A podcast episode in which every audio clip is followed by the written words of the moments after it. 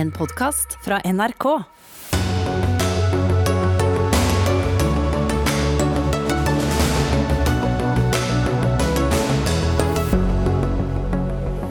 Kaos i helsetjenesten i Bergen etter at alle ansatte hos kommuneoverlegen sa opp. Nå snur byrådet og gir likevel smittevernoverlegen plass i kriseledelsen. TV Norge og strømmetjenesten Dplay fjernet julekalenderen 'Nissene over skog og hei' etter rasismeanklager. Snakk om å kaste komikere under bussen, sier humoranmelder i Adresseavisen. Nordens største finanskonsern, DNB, risikerer 400 millioner kroner i bot. Finanstilsynet sier banken ikke er god nok på å stanse hvitvasking av penger. Vi skal sykle dobbelt så mye som vi gjør nå, og det innen 2023. Vel, det ønsker regjeringen, men å lage noen egen nasjonal sykkelstrategi har de ingen planer om. Ja, da sier vi riktig god kveld og velkommen til ukens første Dagsnytt 18 med Espen Aas. Der vi også skal høre at SV ønsker seg danske tilstander, i alle fall når det gjelder å gi tillatelse til ny leting etter olje og gass. Men vi starter i Bergen, for der har det de siste ukene stormet rundt helsetjenestene. For for under tre uker siden sa smittevernoverlegen Karina Koller Løland opp etter åtte måneder i jobben. Hun begrunnet oppsigelsen med at hun under pandemien ikke fikk plass i kriseledelsen i byen. Helsebyråd i Bergen, Beate Husa fra Kristelig Folkeparti, du holdt pressekonferanse om situasjonen i dag, der du sa at kommunen nå snur, og at smittevernoverlegen likevel skal være med når det etableres kriseledelse. Hvorfor um, har dere snudd? Først har jeg lyst til å si at det er, ikke, det er litt overdrevet påstand at eh, det er kaos i helsetjenestene. Det er noen få deler av helsetjenestene som nå skyves litt på innenfor kommuneoverlegens oppgave. Men det som er veldig viktig for meg, det er at vi nå klarer å rekruttere en ny smittevernoverlege. Eh, og jeg er opptatt av at den personen eh, og, og søkere skal være trygg på at de vil komme tett nok på beslutningstakerne og få kommet med sine vurderinger og sine anbefalinger knyttet til tiltak og oppheving av tiltak og smittevern generelt. Eh, og Derfor er det viktig for meg å si at eh, nå går vi ut med den beskjeden om at den personen som rekrutteres, vil få tilbud om å være en del av kriseledelsen. Mm. Så det er en erkjennelse av at den forrige bestemmelsen om å ikke la vedkommende sitte i kriseledelsen var gal? Eh, det er ikke helt riktig. fordi at eh, Det som er viktig, det er å se at, kris, eh, at smittevernoverlegen har et ganske stort område som vedkommende har ansvar for, med mange ulike oppgaver. Og Min bekymring er, og har vært, at den operative rollen vil kunne lide under å måtte sitte i kriseledelsen og være en del av veldig mange andre beslutninger som ikke har direkte med smittevern å gjøre. Men jeg vil forsikre meg om at organiseringen vår ikke skal være til hinder for eh, å rekruttere en ny eh, person. og Derfor så eh, ønsker vi å gi det tydelige signalet at kriseledelseplassen den står ledig til smittevernoverlegen dersom vi må mobilisere kriseledelse pga. pandemihåndteringen. Mm. Men den avgåtte smittevernoverlegen syntes åpenbart ikke det var en spesiell god løsning? Eh, den avgåtte smittevernoverlegen. Vi har eh, en eh, smittevernoverlege nå som er sykemeldt, som ikke er slutta i jobben ennå.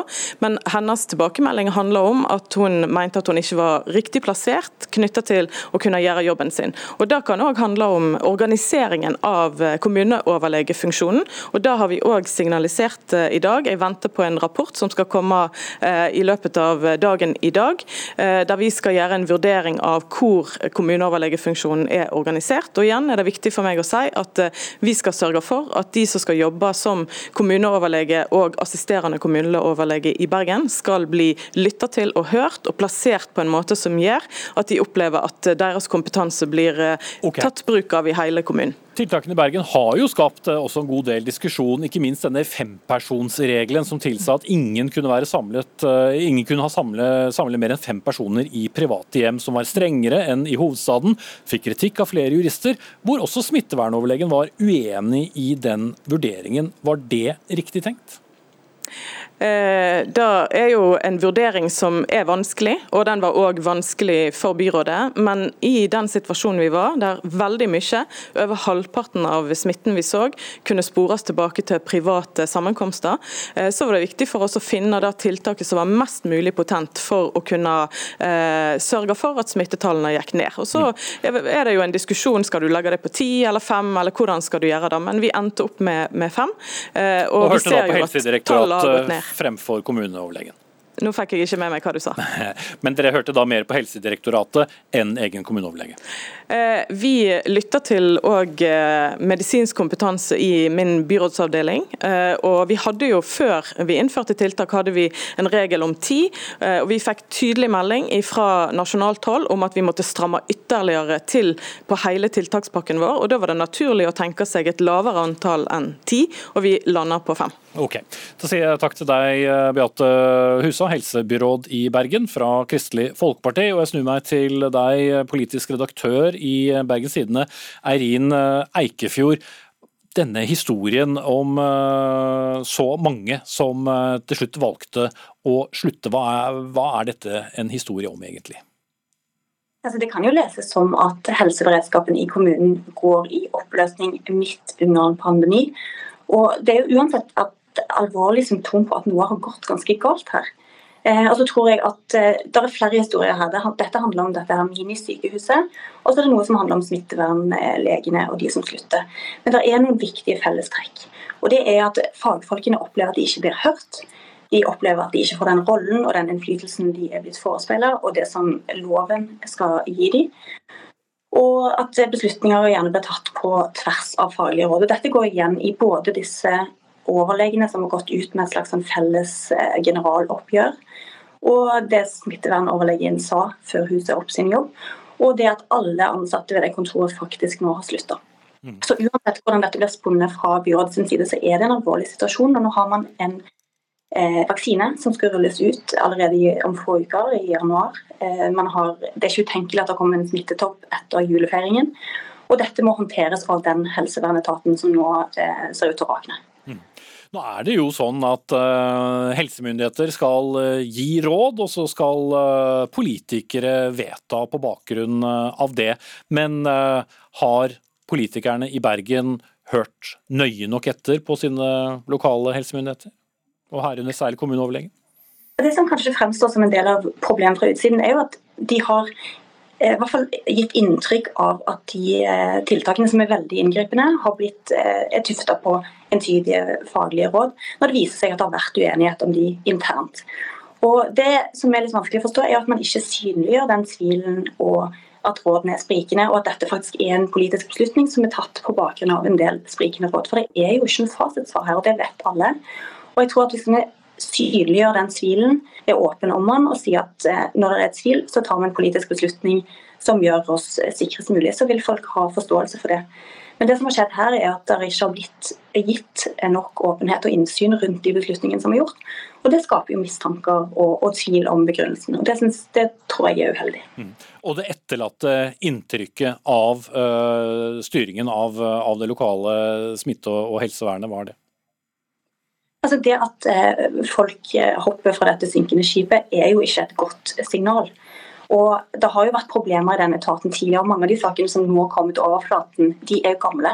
Og Det viser at eh, det er en etat som ikke har hatt, eh, er godt nok organisert, som kanskje har eh, hatt problemer med ledelse, problemer med turnover. Så er det sikkert veldig sammensatte forklaringer på det. Men det er i hvert fall noe som blir ekstra alvorlig både for de ansatte og for byen i en pandemisituasjon. Mm.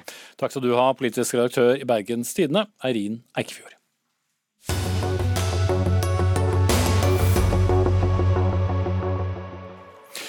Så skal vi til en sak som har skapt et enormt engasjement i alskens kommentarfelt gjennom helgen.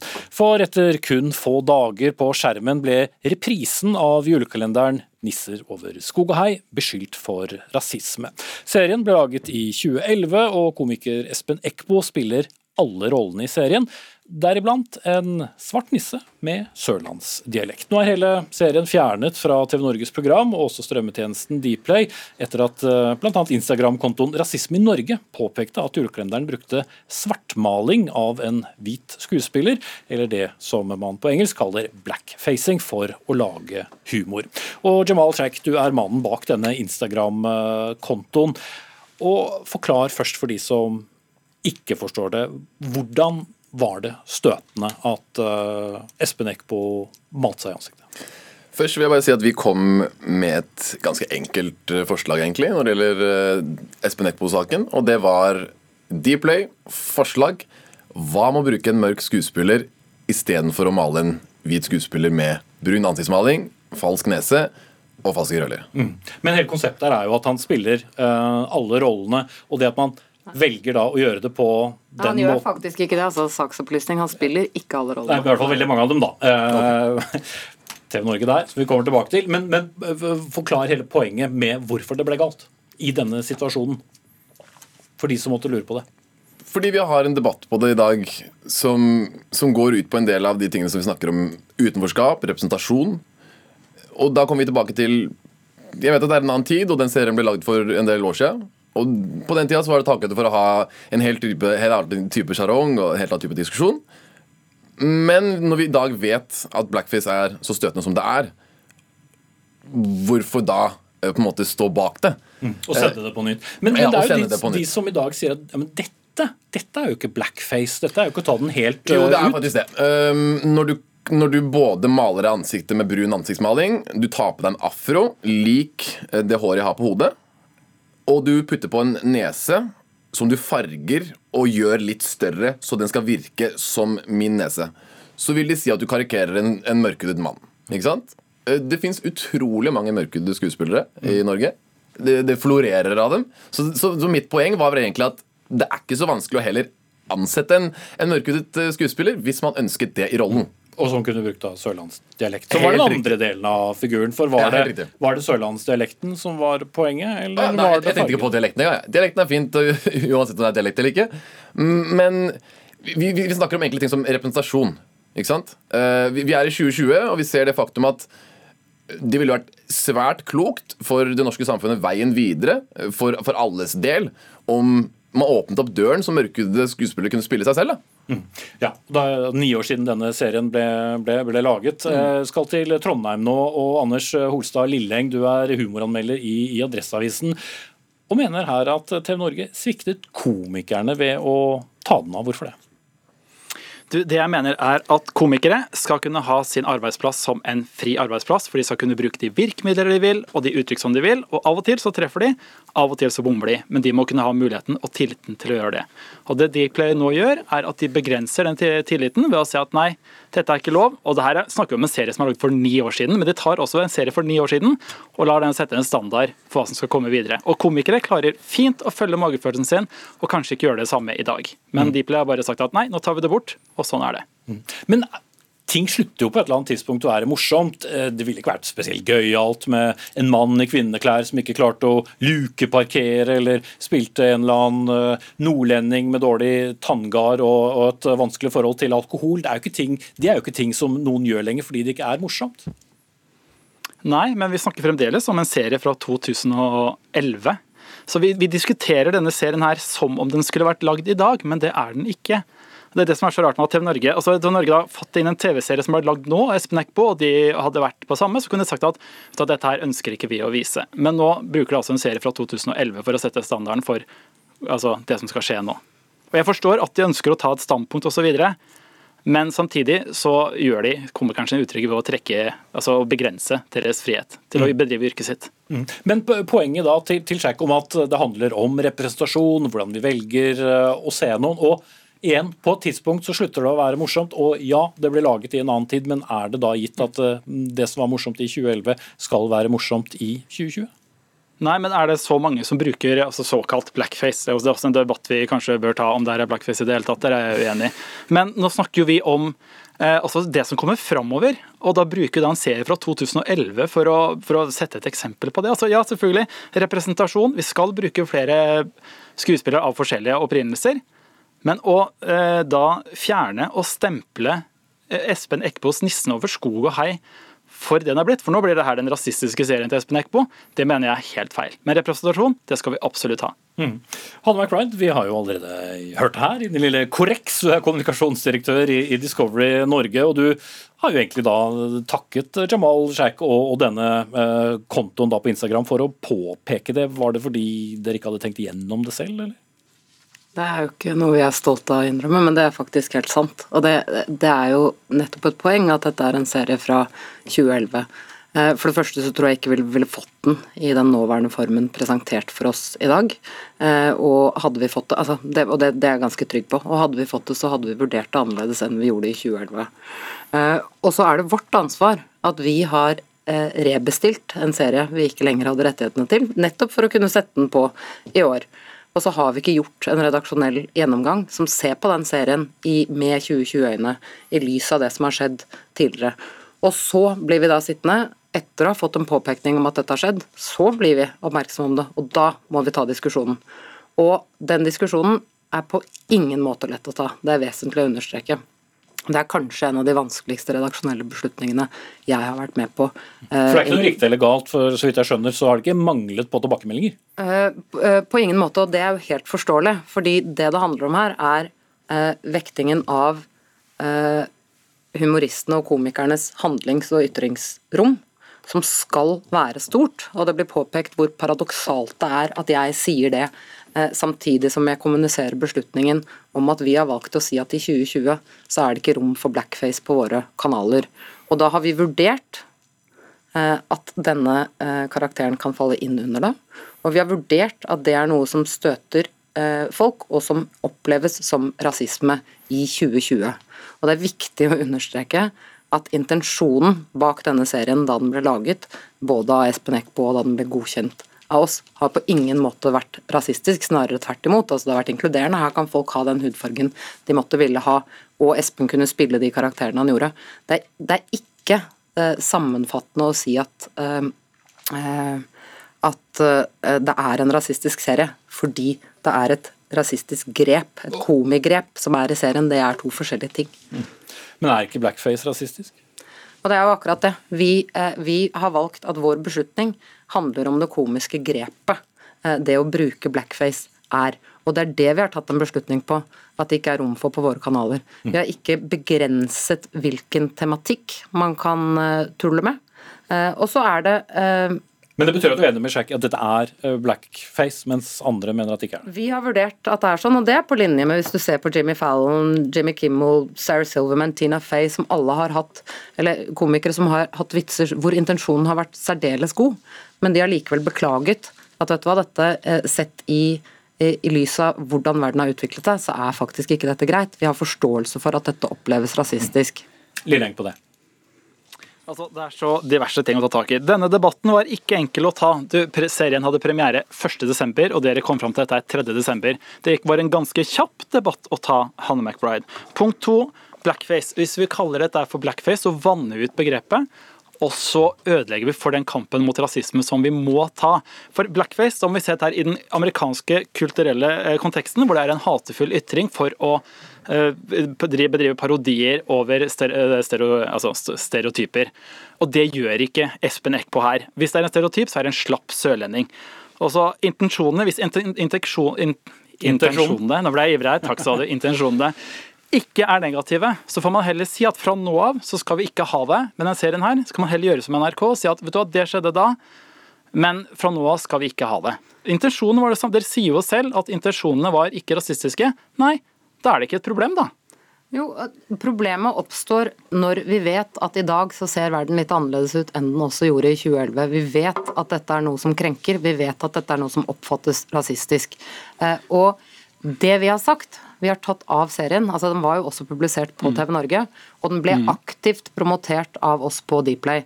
Og det er noe vi mm. ikke ville gjort eh, med, med, det i dag. Og da har vi sagt at vi tar den av, og så må vi ta en vurdering.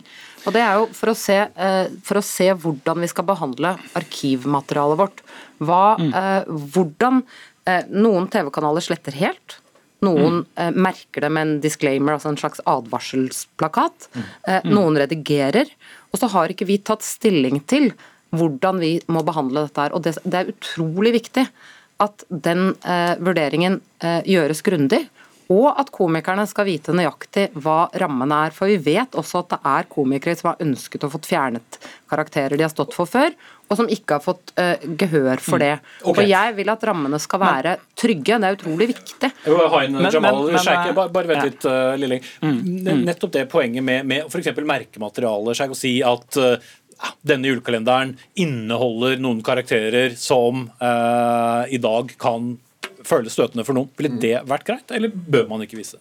Det er jo opp til eh, TV-selskapet selv. Ja, Det skjønner jeg jo, men hva, hva, hva, altså, du, du valgte jo å gå til uh, TV-kanalen og si at dette er ikke greit, men dersom det hadde vært eh, en såkalt Det disclaimer, da, en slags advarsel Det ville vært en klok ting. Eh, Det handler ikke alltid om å fjerne en hel serie. Det er ikke alltid det er riktig. Det er ikke alltid det er riktig å bare legge på en disclaimer. Noen ganger så må man fjerne noe. Noen ganger så må man legge på en disclaimer. Det er vurderinger som, som selskapet selv må gjøre, og kanskje gjøre i samarbeid med andre. Men det er jo da en anerkjennelse i så fall av at uh, noen uh, ikke vil ikke å se det de ser. Garantert. Eh, og det er en ganske unos. Altså. Jeg finner det litt bekymringsverdig hvis en, hvis en uh, etnisk uh, norsk kar sitter på linja her og mener at han skal definere hva som er blackface eller ikke. For da tror jeg allerede at vi er på helt feil spor, og det er helt feil samtale vi har. For blackface er okay. ganske standardisert og ganske satt.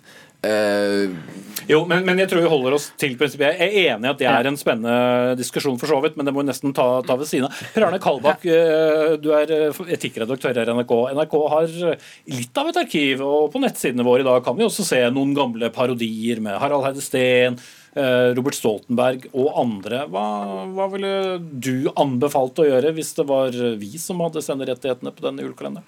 Nei, jeg har vel egentlig mer enn nok med å gjøre anbefalinger og snakke om våre egne valg. NRKs TV-arkiv det er 150 000 programmer, eh, 68 000 timer tror jeg, med TV-innhold fra 60 år. Det er norsk TV-historie, det er norsk kulturhistorie.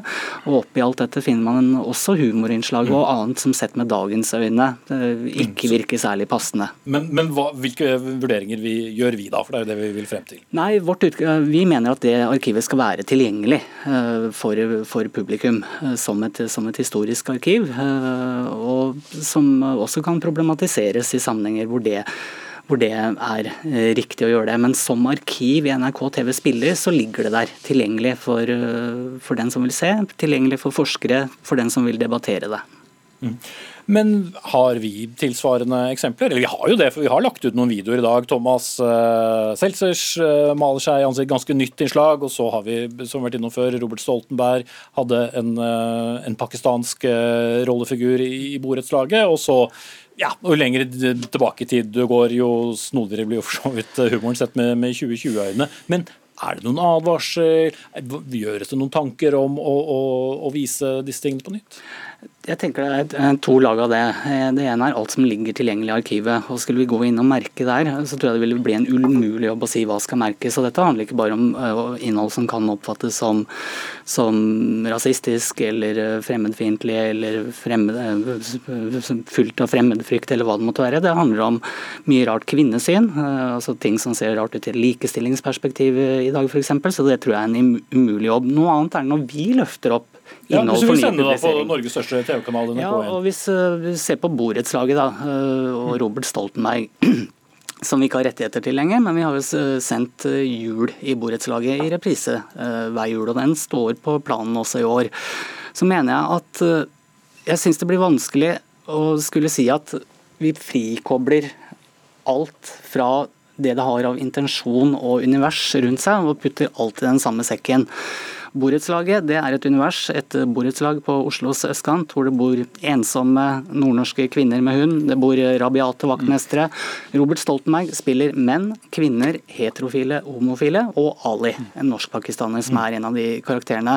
Jeg syns det blir rart å skulle si at nei, dette må vi bare eh, kaste, fordi det er denne ene karakteren. Men da er du egentlig litt uenig med Discovery, da? jeg mener i hvert fall at eh, vi for vår del eh, syns at det er en karakter som må kunne få leve i det, i det universet. Uh, og det er også noe med at Robert Stoltenbergs karakterer de framstilles med varme og kjærlighet, og som en del av det universet han har skapt, hvor han faktisk spiller alle disse rollene. McBride, jeg må bare få understreke at det, det er jo absolutt tilfellet også for Ernst Øyvind i, i 'Nissen over skogen'. Som er navnet på figuren. Som, som er navnet på figuren i, i, i 'Nissen over skogen'. Og så er det jo litt sånn at, at, den oppfattelsen av at handlingsrommet blir snevrere eh, Jeg tror at, eh, eller jeg vet, at norske komikere manøvrerer så godt i det handlingsrommet de har allerede. Det, er, det, det har jo eh, knappest vært eh, episoder som, som, har vært eh, vesentlig å ta tak i. og så er det Forskjellen her er at dette er et historisk stykke materiale som vi har gått inn og sett på fordi vi som redaktør har publisert det i en kontekst uten å si at dette her er historisk. Det betyr altså at barn og unge kan ha sittet og sett på det og tenkt at dette er noe vi har laget i dag, og det, det spørs, er ikke tilfellet. Det spørs hvem du er hvordan du leser det, rett og slett. Mm. Uh, Hanne takk skal du ha, kommunikasjonsdirektør i Discovery Norge. Jamal Sheikh fra Rasisme i Norge, Per Arne Kalbakk, etikkredaktør i NRK, og Anders Holstad Lilleng, humoranmelder i Adressa.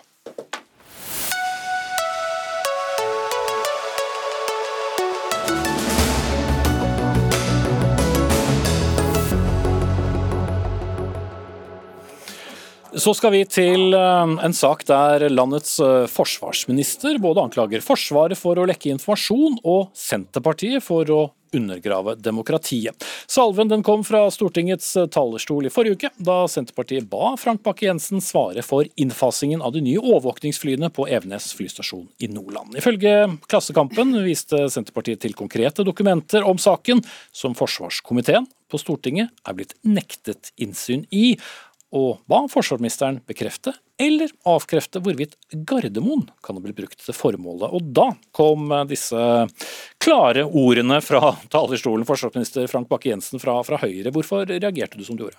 Jeg mener at vi, vi har noen eh, konstitusjonelle spilleregler som, eh, som, vi stort sett eh, holder oss eh, til. og det at eh, Stortinget kjenner eh, statsråden. Statsråden har forsvarssjefen som sin fremste fagmilitære rådgiver. Det er et viktig prinsipp. Det her var snakk om informasjon som lå i en, i en arbeidsprosess nede i Forsvaret, som forsvarsministeren ikke hadde tatt stilling til. Det mener jeg faktisk at vi da skal vi forholde oss til de linjene som, som forefinnes, og, og også forholde oss til den informasjonen vi har tilgjengelig. Sånn at, og Så hadde vi diskutert akkurat det her i ganske mange uker, og da var det nå det som var grunn til eh, engasjementet. Mm. Men uh, hvordan er Stortingets rolle overfor en regjering igjen? Uh, det, det spørsmålet må du ta en gang til. Altså, poenget mitt er bare hvordan, hvor står eh, Stortinget i forhold til regjering i rangeringen. Altså, det er jo, Stortinget skal ja. jo på det, slik sett holde, holde, et visst tilsyn med det du og de andre eh, statsrådene gjør. Og at uh, et flertall kan gjøre om på uh, hva en regjering vil, osv. Ja, ja, og selvfølgelig kan, kan Stortinget også etter, etterspørre. Men, men, det er, det er sånn at når, når eh, altså forsvarssjefen setter sine folk til å, til å utrede et eller annet, så, så venter vi til, til informasjonen kommer opp og forsvarssjefen har konkludert og gir oss en innstilling. Og så er det liksom det vi behandler politisk. Og det var det prinsippet jeg pekte på her. Mm. Men så kan jo ting, ting lekke ut, og ja, skulle du da latt være å nevne det? Marit Arnstad, parlamentarisk leder i Senterpartiet. Nei, jeg mener at i en åpen og demokratisk politisk debatt så må det være lov å stille spørsmål, selv om spørsmålene ikke er godkjent av departementet. Det kan ikke være sånn at et opposisjonsparti bare kan stille spørsmål om ting som er autorisert eller godkjent i departementet. Eh, og Her stilte vi spørsmål til rette vedkommende, og det er jeg enig i at det rette vedkommende for oss det er å stille spørsmål til statsråden. Og det gjorde vi. Eh, og da kan jo han velge enten å ikke svare eller å svare bekreftende eller avkreftende. Det får han jo avgjøre sjøl. Men det å prøve å liksom si at er at vi undergraver eh, og utfordrer de konstitusjonelle prinsippene for demokratisk arbeid i Norge, som statsråden jo sa, fordi om vi på en måte har en, så tar frem opplysninger i en åpen og demokratisk politisk debatt, det har jeg veldig vanskelig for å forstå. Mm. Men du er jo eh, en svært erfaren eh, både statsråd og stortingspolitiker. Spørsmål som f.eks. handler om forsvar, utenrikspolitikk. Veier du de spørsmålene annerledes enn du ville gjøre f.eks. i en ren samferdselssak? Jo, men altså utenriks- og sikkerhetspolitikk så gjør jeg jo det. Fordi utenriks- og sikkerhetspolitikken er regjeringas prerogativ. Og der er det begrensa hvilken informasjon Stortinget får. Forsvarspolitikken er ikke et prerogativ for regjeringa. Forsvarspolitikken er et nasjonalt eh, politisk eh, tema. Eh, og Som opposisjonsparti så får du tilfang fra, fra, av opplysninger fra ulike hold. og De opplysningene må vi selvsagt få lov å spørre statsråden om i en åpen og fri politisk debatt, uten at vi skal bli møtt med den type tøffe beskyldninger, som jeg syns gikk langt over streken faktisk, av Frank Bakke-Jensen denne gangen. Mm, Svar på det, Jensen. Ja, nei, Jeg mener ikke at jeg gikk over streken. For det første så, eh, så er det helt eh, riktig det med at uh, forsvarspolitikken den tilhører den, den alle utenrikspolitikken som utenfor. Men her handler det om at dere, vi, som stortingspolitikere så får vi også, det er helt riktig, vi får tilgang fra, på informasjon fra mange. Uh, vi får mailer, vi får overlevert dokumenter. og det er jo sånn at Vi er ikke uten ansvar for hvordan vi behandler den typen, uh, den typen dokumenter. Det er klart at Vi har et ansvar også for å se de, den informasjonen i sammenheng med de, de, prosessene vi har for å jobbe frem saker. og Det er det som er eh, snubletråden her. Det er derfor jeg er uenig med Marit Arnstad. At den typen informasjon det skal man kunne bruke fritt og uhemma. Nei, man må tenke seg om. og Her hadde jeg gang på gang forklart hvilken type informasjon det var. og at det ikke var kommet opp til forsvarssjefen, sånn at han kunne gjøre sin jobb ferdig og innstille i de her sakene. Og derfor, derfor reagerte jeg på at man ikke ga seg. Men altså, vi, vi, vi, forholder oss til statsråden og bare statsråden. Og jeg kjenner ikke resten av, av, det som er bak statsråden i og for seg. Men det er klart, altså Senterpartiet var imot nedleggelsen av Andøya. Vi er imot nedleggelsen av Andøya. Vi mener at Evenes er i ferd med å bli et kostnadssluk. Det er forsinka.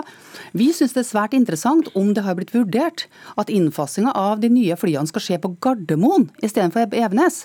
Eh, det må være lov å stille statsråden det spørsmålet, sjøl om da eh, han ikke Altså, han mener at det er noe noe som har skjedd lenger ned i organisasjonen. Han kan jo avkrefte hvis han vil, han kan bekrefte hvis han vil. Og det er ikke noe farlig å bekrefte det heller. Ja, og si det at lavere ned så har det vært vurdert, men vi har valgt en annen løsning i departementet. Altså Det er jo helt fair enough. Men en kan ikke unnlate å forholde seg til den type spørsmål og den type opplysninger. For noen, kan, ja. Ja, for noen vil jo da få eh, inntrykk av at eh, en statsråd vil diktere hvilke spørsmål som kan stilles eh, fra eh, den folkevalgte eh, forsamlingen vår? Nei, nei, nei, overhodet ikke. Men, men, det er også litt viktig at vi lar de prosessene som skal foregå, foregå der, der, de skal. Og det, det, er sånn at det er lenge lenge siden vi var åpne om at det, vi måtte gjøre vurderinger i og med at Evenes ble forsinka og flyene kommer. Og så er det, en, er det, et oppdrag som forsvarssjefen har, forsvarssjefen gjør, og da avventer jeg til forsvarssjefen gir sin innstilling til, til meg. Men det var ikke det som var det viktige. Her var det eh, sånn at uh, Senterpartiet tidlig kom med ei liste med dokumenter de gjerne ville ha innsyn i. Vi vurderte det, og så sa vi at det her, den, denne typen dokumenter gir vi ikke innsyn med, for at de er en del av arbeidsprosessen. Det er ikke klarert ut fra forsvarssjefen. Men Regnet du egentlig med å få et svar da du stilte det spørsmålet? For du var vel vitende om at informasjonen da ikke kom verken fra statsråden eller for den saks skyld forsvarssjefen? altså det er jo riktig at vi først ba om innsyn i saken, og det gjorde vi jo. Og vi holder jo på et par uker før vi fikk et svar da, om at dette er interne dokument som en ikke gir innsyn i. Det er ikke det at det var graderte dokument, det var interne dokument. Det er fair enough. Det er også veldig vanlig i forvaltninga. Eh, men det er jo heller ikke til hinder for at vi kan stille statsråden spørsmål. Det er jo ikke sånn at våre spørsmål må være godkjent eller autorisert av departementet for å bli framført i Stortingets spørretime. Vi må få lov å stille det spørsmålet, og så er det selvsagt helt opp til statsråden om han vil svare på dem eller ikke. Men var det da et mer retorisk poeng, fordi at du i utgangspunktet vel visste at eh, statsråden ikke kom til å svare fordi dette var opplysninger som du i utgangspunktet ikke hadde fått eh, innsyn i, men Nei. som hadde kommet via en lekkasje? Det er viktig for oss å få løfta den problemstillinga om dette har vært en faktor eller ikke. Og så er det opp til statsråden om han da ikke vil svare på det, eller om han avkrefter eller bekrefter. Det er helt opp til statsråden sjøl. Men alle opp som vet, kjenner vår kamp for Andøya, må også forvente at vi kommer til å ta opp sider ved den saken ved hver korsvei, fordi at det handler om eh, valget av Evenes, om det var klokt eller riktig, hvordan denne prosessen har foregått. og Det kommer vi til å være en vaktbikkje for i Stortinget Stortinget hele tida. Mm.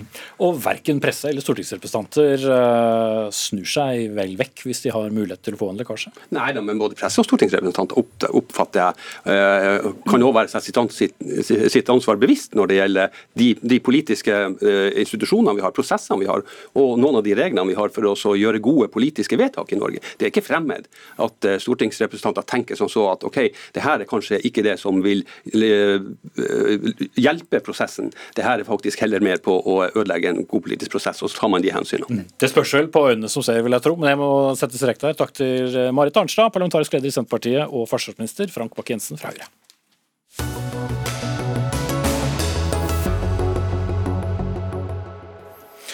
Klokken åtte i morges så sendte DNB, Nordens største finanskonsern, ut melding om at Finanstilsynet har varslet et gebyr på 400 millioner kroner til banken. Dersom det skulle bli stående, så er det det høyeste noensinne til en norsk finansinstitusjon, og Finanstilsynet mener da at DNB ikke klarer å fange godt nok opp brudd på hvitvaskingsregelverket. Sagt på en annen måte, Ønsker man å hvitvaske penger, kan DNB være et sted å gå, ifølge tilsynet. Og Thomas Midteide, konserndirektør for kommunikasjon i DNB, hva gjør et slikt varsel med omdømmet deres?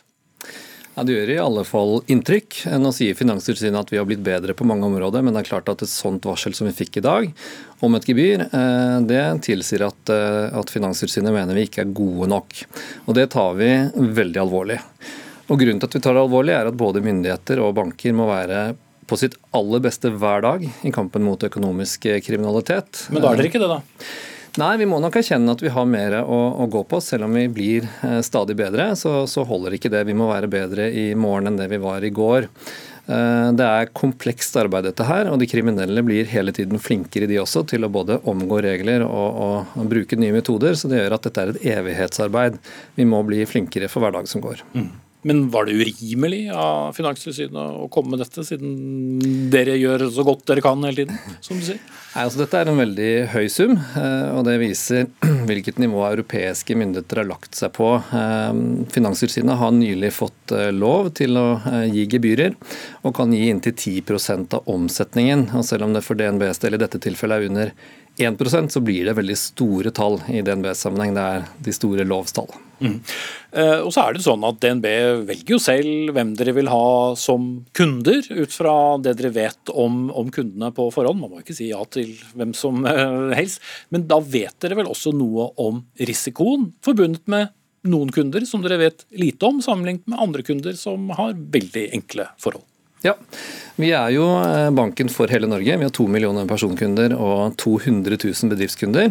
Og Vår jobb er å kjenne de eh, kundene godt og hva de holder på med. Og ikke minst å overvåke alle betalinger som går gjennom eh, vårt system. Og det er sånn at kriminelle prøver å bruke norsk infrastruktur, både veier og fly og båter og banker eh, til å drive kriminell aktivitet. Derfor er vi en veldig viktig brikke i arbeidet mot, eh, mot, de kriminelle. Så det er også myndighetene på den siden og de kriminelle på den andre siden. og Vi, vi skal gjøre vår del av det arbeidet. Og Finanstilsynet, da jeg ringte de tidligere i dag, de sa at de ønsket ikke å, å kommentere denne saken, fordi den er i en prosess, som det heter. Eh, men hva gjør dere da for den rapporten fra Finanstilsynet, som måtte da avgjøre om, om, disse 400 millionene er noe de skal måtte betale eller ikke, er jo ikke ferdig på en stund. Men hva, hva gjør dere i mellomtiden? Nå går vi gjennom den foreløpige rapporten vi har fått. Ehm, og så kommer vi til å svare tilsynet på alt det som står i, i den rapporten. Så nå skal vi fortelle vår side av saken, og så vil det bli en konklusjon da i saken som sikkert noen, ligger noen måneder, måneder fram i tid.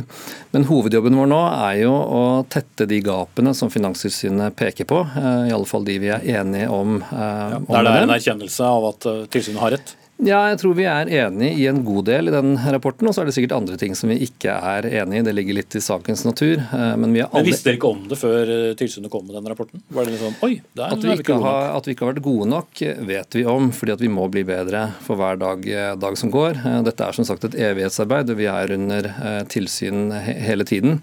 Men tilsynet har en viktig rolle da, i, på vegne av samfunnet å påpeke de tingene vi kan bli, bli, bedre på. Men det kan jo hvem som helst si. Vi må alltid bli bedre. Uansett hva du driver med. driver Bilverksted må også bli bedre til å reparere uh, motorer. Men hvordan konkret går dere til, til verks? For alt handler ikke bare om å svare rapporten og si at nei, vi ser denne saken litt fra en annen side. Dere må vel også gå konkret inn i hvordan dere driver bank? Ja, absolutt. Vi har investert enorme summer, flere hundre millioner kroner hvert år, eh, i nye IT-systemer, bedre overvåkingsverktøy eh, og flere folk på dette området.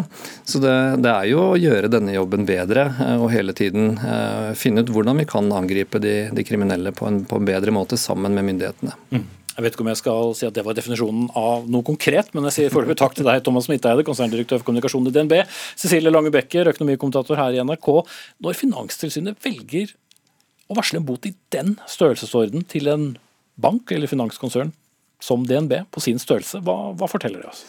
Ja, det forteller jo noe om at dette er noe Finanstilsynet ser veldig alvorlig på. Dette er en sterk reaksjon, og det skal føles som en straff eh, overfor DNB. og det skal føles vondt nok til at DNB nå eh, gjør om på måten de håndterer hvitvaskingsregelverket på, og hvor mye ressurser de eh, bruker på det. Eh, vi vet ikke hva som står i dette varselet, som vi var inne på. Eh, det er ikke sånn at Finanstilsynet har funnet en konkret skurk da, eh, som driver med hvitvasking, men det de har funnet ut, er jo at banken har ikke gode nok systemer til å fange opp disse skurkene. Og i det ligger det jo en risiko for at eh, kriminelle bruker DNB, eller har brukt DNB, uten at DNB har klart å fange det opp. Mm. Men for å snu på det, da. Det er vel ingen bank som heller kan si vet du hva, vi har så godt regelverk at her går det ikke an å utnytte systemet. Man vet det jo i ettertid. Så forklaringen fra DNB, er den god nok? Ja, altså, og Det er jo selvfølgelig vanskelig å avdekke alt, men når det er sagt, da. Eh, DNB er den største banken vi har. Den, den, velger å ha store kunder, som man også er klar over at det er høy risiko knyttet til. Som driver i bransjer det er høy risiko knyttet til. Eh, F.eks. olje, shipping, eh, fisk. Og Da forventer man også at man har tiltak som svarer opp den risikoen man velger å ta. Og man skal kunne kreve mer av DNB enn av andre banker som har mindre kunder og som der, der det er mindre forhold. Mm. Eh, og så er det jo ikke første gang vi snakker om eh, norske banker, eller banker med, med kontor i Norge og, og, og, hvitvasking. Her snakker det om at da banken blir brukt selv. Hva står på spill for omdømmet til DNB i en sak som dette? Nei, det er klart, det er jo som Midtheid er inne på, at det gir jo inntrykk når man, eh, når man, en, når man får, den type varsel, og at det er klart at omdømmet står på spill. Og, men en annen ting man risikerer også ved å ikke ha gode nok systemer, det er jo at kriminelle nettopp utnytter at banken ikke har disse gode systemene. Og det er jo kanskje en vel så stor risiko som dette omdømmet, i tillegg til at det er disse 400 millionene som de eh, da muligens må betale ut eh, på et eller annet tidspunkt. Mm -hmm. Til slutt, Finanstilsynet er jo et, et veldig veldig alvorlig tilsyn. De har jo tilsyn da med alle våre finansinstitusjoner.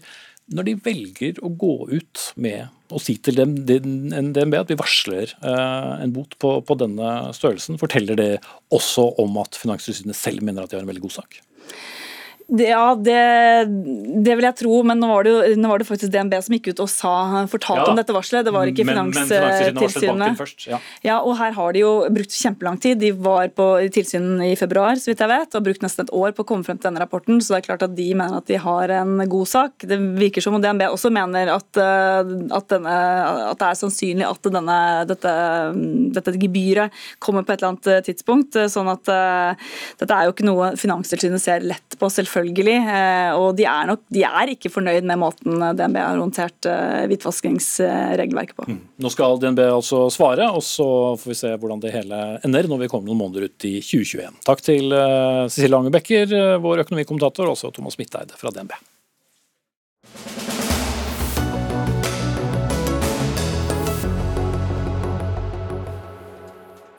Det sykles eh, mer enn eh, før, av for så vidt flere årsaker eh, nå om dagen. Men det sykles ikke nok. Flere veier har fått påsmurt rød asfalt til syklistene, men de trenger egne separate sykkelveier dersom alle skal føle seg trygg på to hjul og ikke annen motor enn seg selv eller en, en elmotor. Da. Syklistenes Landsforening sitter fortsatt og venter på et sammenhengende sykkelfeltveinett. Det ble lovet tilbake i 1977, en liten stund siden der også, og ønsker seg mer konkrete sykkeltiltak. Og Jon Gunnes, stortingsrepresentant i Venstre og saksordfører for Nasjonal transportplan, NTP.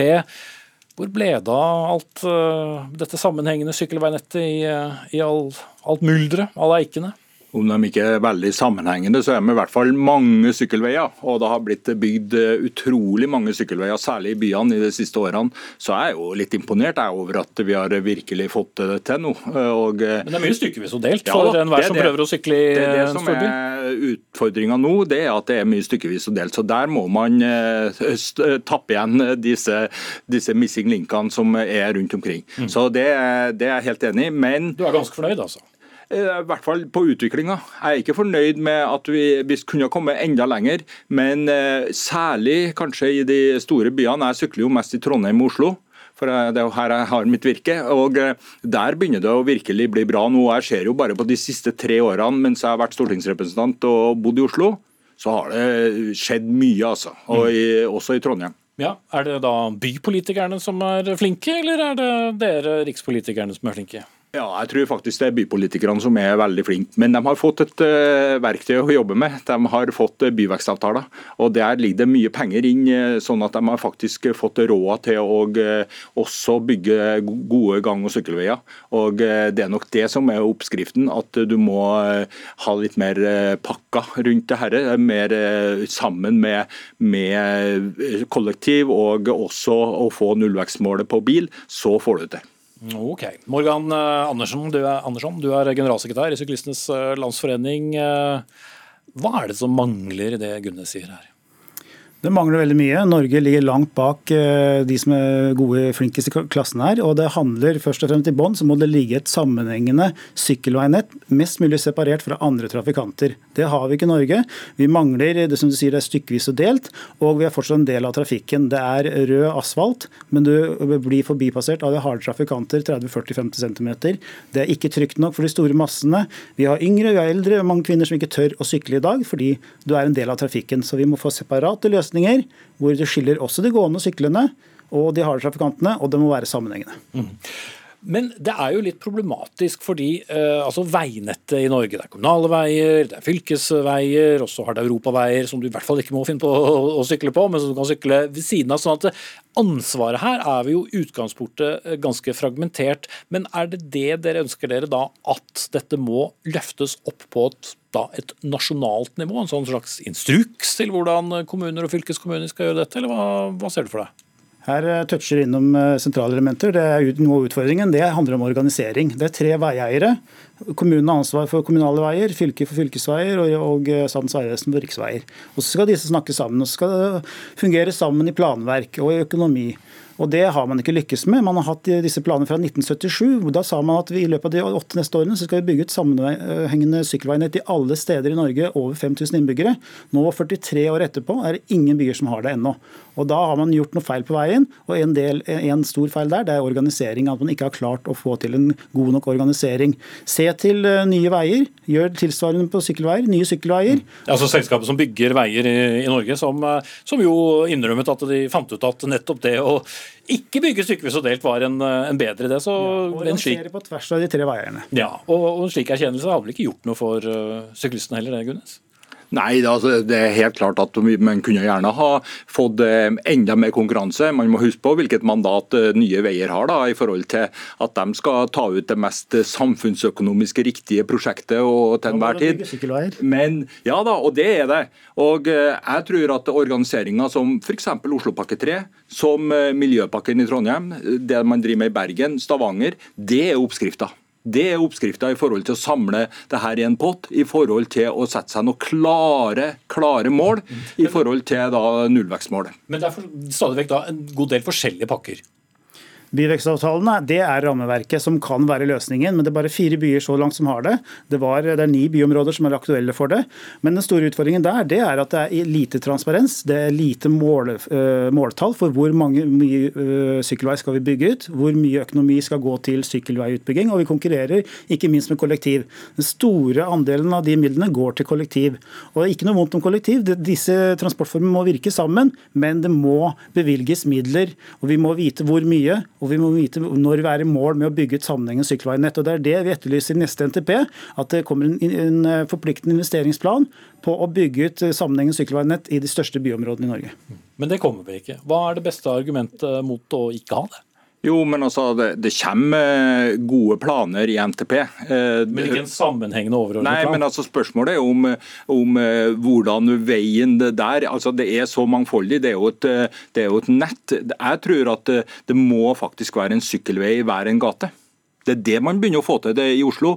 Det å sykle gjennom, det er jo ikke det. Man skal inn til sentrum. København, du, der er jo 35 eh, sykkelandel, mens i Trondheim er det 12 og vi syns det er bra. ikke sant? Jeg skjønner at eh, vi har mye å gå på, eh, men det er helt klart at der er det en sykkelvei akkurat like ofte som det er en eh, bilvei i, i København. og Dermed så må det være overalt, sammen, men det må separeres. Og det må ikke, det må ikke være oppe på fortauet. Man skal ikke eh, få disse opp på fortauet, for da minker det gående. Da blir de redde. Og det må være gode eh, standard på det her, slik at det faktisk blir attraktivt å sykle. Mm. Men det hørtes nesten ut som et argument som du kunne ja, kommet med. Det er vi helt enig i. Det er dit vi må. Sånn, sykkelvei i hver eneste gate. Det må være et tettmaska nettverk av sykkelveier. Og de må være separert fra de andre trafikantene. Nå har vi også elsparkesyklister som skal bruke, bruke samme infrastrukturen som syklene. Da blir behovet enda større. Men når byene er de som eier de gatene i sentrum. Er det vel, og det er også penger å hente ved å ha eh, mindre biler, mindre slitasje, mindre luftforurensning. Altså det er jo en vinn-vinn-situasjon hvis flere sykler. Åpenbart. Hvorfor ikke ha tiltro til at de fleste større byene her i landet faktisk gjør dette? Og det er vel egentlig det de også har gjort. Trondheim er prakteksempel mange steder med, med brede og gode sykkelveier. Oslo delvis, og, og, de andre store byene. Stavanger utenfor byen med denne superhighwayen for syklister. Men Ingen av disse byene har det sammenhengende sykkelveinettet, og det er ikke separert fra øvrig trafikk. og Da er det ikke trygt nok for de store massene. Det er fortsatt de som tør å sykle, som sykler. Selv om det blir en vekst i andelen, ja det gjør det, men det er fortsatt bare de som tør å sykle. Og Vi har ligget på 4-5% sykkelandel på hele 2000-tallet. Nå er, ser vi en vekst i, i, Oslo spesielt, men vi er langt fra nasjonale mål om 8 eh, nasjonalt og 20% i de store byene. Og Da må det, det bygges ut en sikker og trygg og effektiv infrastruktur. Mm. Om noen år kan vi feire 50 år siden uh, dette første, uh, denne første lovnaden, i hvert fall. Takk skal dere ha, Morgan Andersson, generalsekretær i Syklistenes Landsforening, og Jon Gunnes, stortingsrepresentant i Venstre og saksordfører for Nasjonal transportplan.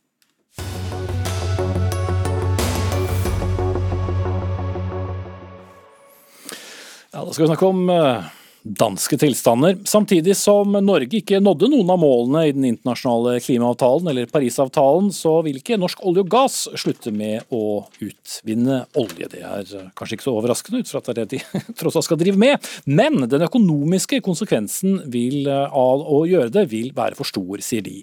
Danmark vedtok eh, nylig at de skulle slutte å lete etter og utvinne nye felt. Noe som har fått SV til å klappe i hendene, og mener vi bør bør følge vårt naboland. Men Anniken Hauglie, sjef for Norsk olje og gass. Hvis vi skal se på mm, at f.eks. EU sier de skal være utslippsfrie innen 2050, og når det er så et stort marked for norsk olje og gass, så lurer man jo på er det så lønnsomt i lengden å drive på med det dere gjør? Ja, Eh, det er det ingen tvil om at det er eh, lønnsomt. Nå har også vår næring lansert eh, historiske høye klimaambisjoner. Ikke innen inngangen til dette året så forpliktet vi oss til å redusere utslippene med 40% innen 2030, mot nær null i 2050. Og det vi ser er jo også altså på sokkelen? På sokkelen. Og det, og det vi ser er jo at dersom EU skal nå sine klimamål, ja så vil også norsk olje og gass være en del av den løsningen. De vil ikke kunne klare å nå sine mål uten også gass fra Norge, blant bl.a. Og det sier også, ser også alle internasjonale energibyråer viser jo at uh, olje og gass det vil være en viktig del av energimiksen i verden i flere tiår. Og så lenge verden trenger energi, så skal selvfølgelig også Norge med en renere produksjon selvfølgelig være med å levere det. Mm. Men uansett uh, hvor rent det er på norsk sokkel, så skal jo denne oljen eller bensin eller diesel den skal jo brennes, og den er aldri utslippsfri. Nei, men eh, Det som eh, norsk oljeindustri gjør nå, er jo bl.a. Eh, ta store grep for å redusere utslippene på egen sokkel. Vi har jo også som mål å kunne levere ren energi til kontinentet. Både, både gjennom karbonfangst og -lagring, gjennom hydrogen, gjennom vind, som vi ønsker å være med på å levere. Men det viktigste nå er jo etter hvert altså, SV har jo nå kommet med det har vært flere varianter av det å skulle fase ut og tone ned og stramme inn på norsk oljepolitikk.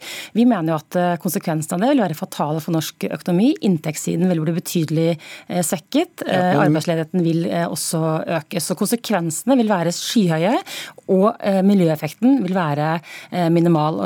Så, så kostnadssiden er enorm for norsk økonomi. Da fikk du alle argumentene dine før du hadde sagt det eneste ord, Audun Lysbakken, leder av SV. Men dere ønsker altså at Norge skal gjøre som Danmark har sagt, og slutte å, å, å gi nye konsesjoner til ny leting.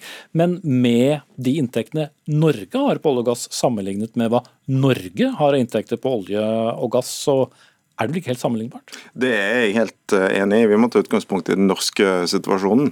Eh, men altså, Norsk olje og gass sin oppgave er å selge norsk olje og gass, så det er ikke noe overraskende at Anniken Hauglie eh, sier det hun sier. Men vi er jo raskt på vei inn i en ny virkelighet, der det ikke lenger er sånn at det som er i oljedirektørene sin interesse, automatisk er i norsk økonomi, norske arbeidere og den norske velferdsstaten sin interesse. Fordi eh, det er mer og mer åpenbart, og det viser det danske eksempelet, hvor eh, interessen også fra selskapene til å være med og lete etter mer olje faller. Eh, risikoen for norsk økonomi av oljeavhengigheten blir større og større. Den potensielle nedsiden ved å overinvestere i olje og gass blir større og større. Det er jo ingen som, eller i hvert fall ikke vi, som foreslår å plutselig avslutte all utvinning av norsk olje og gass, men vi bør slutte å leite etter mer. Rett og slett fordi det for det første er funnet mer fossil energi i verden enn det som kan brennes hvis vi skal unngå global oppvarming. Det er bare den brutale eh, matematiske realiteten. Det er ikke mulig eh, å sende alle de klimagassene ut i atmosfæren uten å eh, oppleve katastrofe. Det vil være etter hvert som etterspørselen etter fossil energi avtar, større og større økonomisk risiko i å investere for mye i ny olje og gass. Og så ser vi at naturkonsekvensene blir større. Den nyeste konsesjonsrunden nå er altså en, et gedigent risikospill med norsk natur. fordi at For å finne mer så må du ekspandere stadig lenger ut i urørte områder, stadig lenger nord osv. Ja, vi må holde oss til en debatt eh, av gangen. men Alt handler jo til sjuende og sist selvfølgelig, Når man driver med olje og gass, så handler det jo om at man skal tjene penger. Og hvor lenge er det lønnsomt. Vi ser jo en, i hvert fall en oljepris eh, per fat som eh, i disse dager er, er langt unna det den var i, i glansdagen.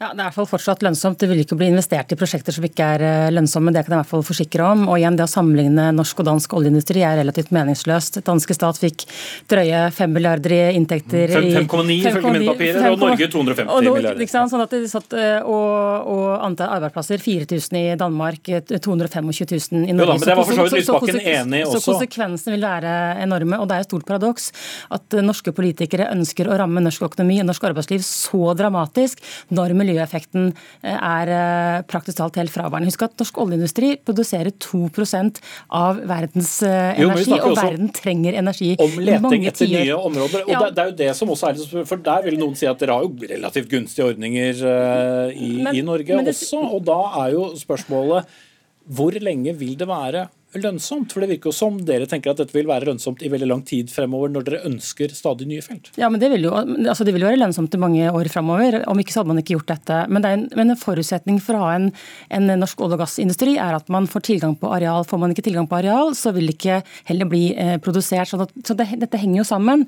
Og Hvis man nå ønsker å begrense mulighetene til areal og selskapenes mulighet til å kunne lete etter nye felt, eller også til å kunne utnytte de feltene man allerede har funnet, for det er også et av forslagene at man ønsker å begrense muligheten til å forlenge levetiden når man finner ny olje, ja, så betyr det at, eh, at eh, attraktiviteten med sjokker vil gå betydelig eh, ned. Inntektene kommer til å bli betydelig redusert. Og så okay. er det viktig å huske på Nå har SSB regnet på ulike varianter av inntramming som viser konsekvensene på kort sikt for norsk økonomi. De er enorme. Og Det må jo også de som ønsker å begrense, begrense oljeutvinningen, ta inn over seg. Det kommer til å skade norsk økonomi. Økonomi okay. i veldig veldig stor grad. Lysbakken eh, svarer. For, for, Så lenge det er lønnsomt, så vil vel noen andre uansett da selge den oljen, hvis ikke Norge gjør det? Jo, jo, men her er problemet at Anniken Hauglie slår bare fast dette kommer til å være lønnsomt. Men det vet hun jo ikke. Og det kommer selvfølgelig an på også mengden. Eh, og det er en betydelig risiko, det er det ganske brei enighet om, eh, at omfattende leiting i dag risikerer og innebærer at vi bruker av fellesskapets midler på å lete etter olje som vi ikke kan utvinne på lønnsomt vis i fremtiden. Og Det er jo heller ikke riktig at dette bare er et spørsmål om at så lenge det er lønnsomt for oljeselskapene, så gjør vi det. For vi subsidierer jo av skattebetalernes penger denne leitingen i dag. Jo, fordi vi har en leterefusjonsordning som vi får masse penger av fellesskapet. sant? Så, så det er jo, der, der, kan vi, der kan vi jo begynne Jo, men det er jo dette dere er nødt til å begynne å forholde dere til. Vi kan ikke lenger være så sikre på at de inntektene kommer. Fordi at det Du la, du, du tar denne diskusjonen som om, som om dette med liksom å uh, gjøre verden mindre avhengig av olje noe noen har funnet på fordi vi har så lyst til det. Altså Hadde det vært sånn at vi kunne fortsette som før, så hadde vi alle vært fornøyd. Da hadde, det hadde vært kjempebra. Men Norge har altså skrevet under på en klimaavtale som sier at vi skal nå et mål om maks 1,5 graders oppvarming. Og det går ikke i hop med okay. det bildet du tegner av at det bare er ture fram som før. Vet jeg du gjerne vil svare, men jeg ser på klokken at det rekker du ikke. Anniken Hauglie fra Norsk olje og gass og SV-leder Audun Lysbakken. Jeg må si takk til dere, ansvarlig for sendingen Ane Katrine Førli, Lisbeth Sellereite tok seg av det tekniske. Jeg heter Espen Aas.